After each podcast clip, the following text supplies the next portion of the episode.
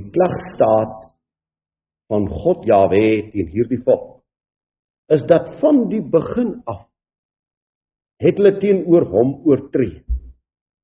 Van die begin af was hulle opstandige volk wat na sy stem nie wou luister nie. Vandat hulle uit Egipte land weggetrek het, het daar opstand in hulle gewees. Ons ken vanmôre die geskiedenis. En as ons vanmôre na ons eie volkie kyk, na geslag van Israel in Suid-Afrika, dan kan ons maar by dieselfde kom dan dan is die klagstaat presies dieselfde. Want vandat hierdie volk geplant is aan die suidpunt van Afrika, vanaf daardie tyd het hy teen God gesondig en wou hy na die stem van Jawe nie luister nie. En dan is daar tragiese, kyk net hoe ver het hierdie volk geval, vers 35. En hulle het die hoogtes van Baal gebou wat in die dal van die seun van hom nom is om hulle seuns en hulle dogters vermoedig deur die vuur te laat gaan. Dit wil sê hulle het so in afgodery verval dat hulle bereid was om hulle seuns te offer vir 'n afgod. En nou sê ons vandag maar ek wil ook dit toepas in ons tyd.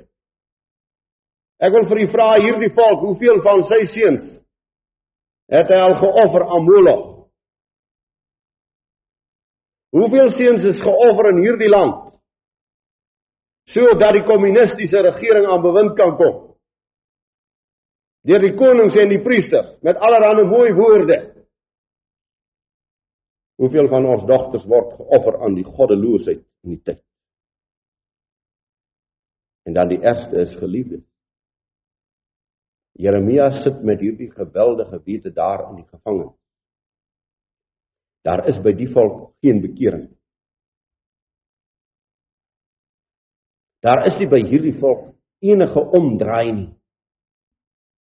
Daar is in die hart van van Jeremia geen hoop nie. Want die waarheidswoord het vir die koning en die volk 'n veragting geword. Hulle wil daarna nie luister. Wanneer Jeremia hulle begin waarsku, die onheil aan hulle bekend maak, die straf verkondig, dan is dit vir hulle tot 'n aanstoot en 'n ergernis Hulle wil dit nie hoor nie. En ons kan nou maar ons lewens so maar toets geliefdes. Ons mense wil nie regtig hoor nie. Ons het elkeen ons eie eie willigheid. Gaan maar deur, kyk jy, hoe eie willig het ons geword.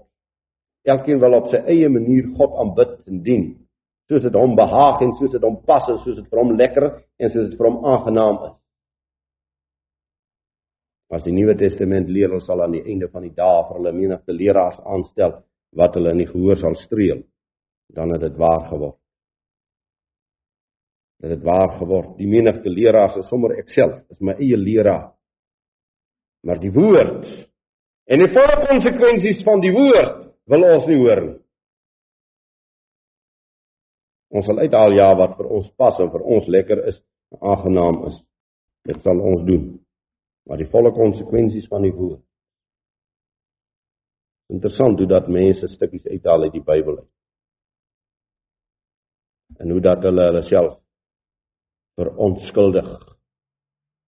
Menigte van leraars wat jou in die gehoor sal streel. Wat jou self sal behaag. En as die leraar van God gestuur my nie behaag nie, dan word ek my eie leraar wat myself behaag in die tyd. Alles is in verval. Die volk staan voor die groot grimmigheid van Jawe. Voor die optrede van Nebukadnesar. Voor die swaard en die pes en die hongersnood. Voor die voor deportasie. Dit wil sê hulle gaan hulle grond verloor. Hulle gaan hulle woonplek verloor. En die waarheidsprofeet sit in die tronk.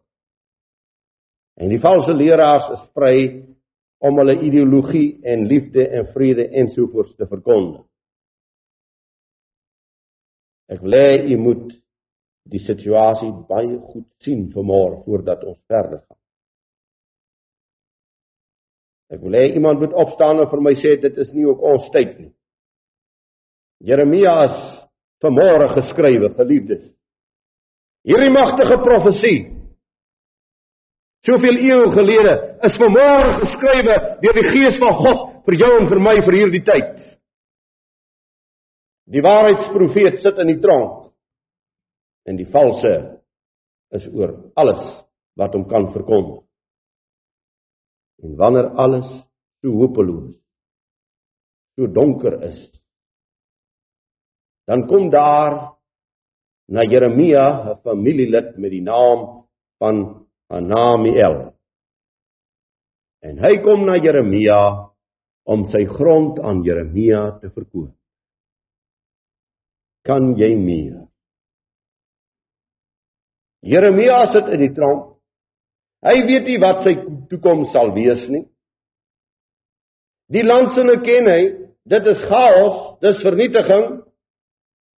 Maar 'n familielid kom na hom toe en kom sê vir hom: "Jy moet my losser wees, want jy's my naaste bloedverwant. Jy moet my die skuld uitkry, jy moet my grond koop."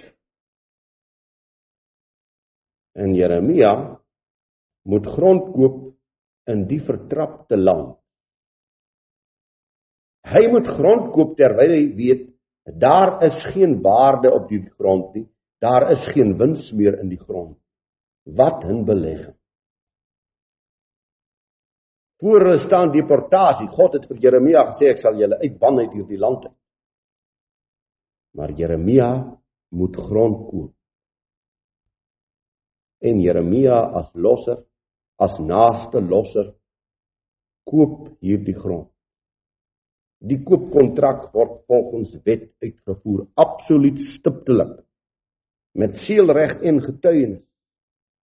Die koopbrief is volgens voorskrif en wetlike bepaling. Dit staan hierso. Vanaf vers 9 daarop het ek van Hanameel, die seun van my oom, die stuk grond gekoop wat in Anatot lê en vir hom die geld afgeweeg 17 sikkels silwer. En ek het dit in die brief geskrywe en dit verseël en getuies geneem en die geld afgeweeg op 'n weegskaal. Toe het ek die koopbrief geneem, die verseelde een volgens die voorskrif en wetlike bepaling en die oop een. So in die totale handeling van Jeremia teenoor hierdie familielid is absoluut korrek. Hulle sê nie ag, dit is nou tog maar chaos, ek kom ons skryf maar sommer net so 'n uh, eh, amper se briefie nie. Hulle doen dit wettiglik volgens die voorskrif waar volgens dit gehandel moes word om grond jou eiendom te maak. Hy koop die grond in 'n tyd van soveel geld. Hy koop grond terwyl hy in gevangenis sit. Hy koop as profeet grond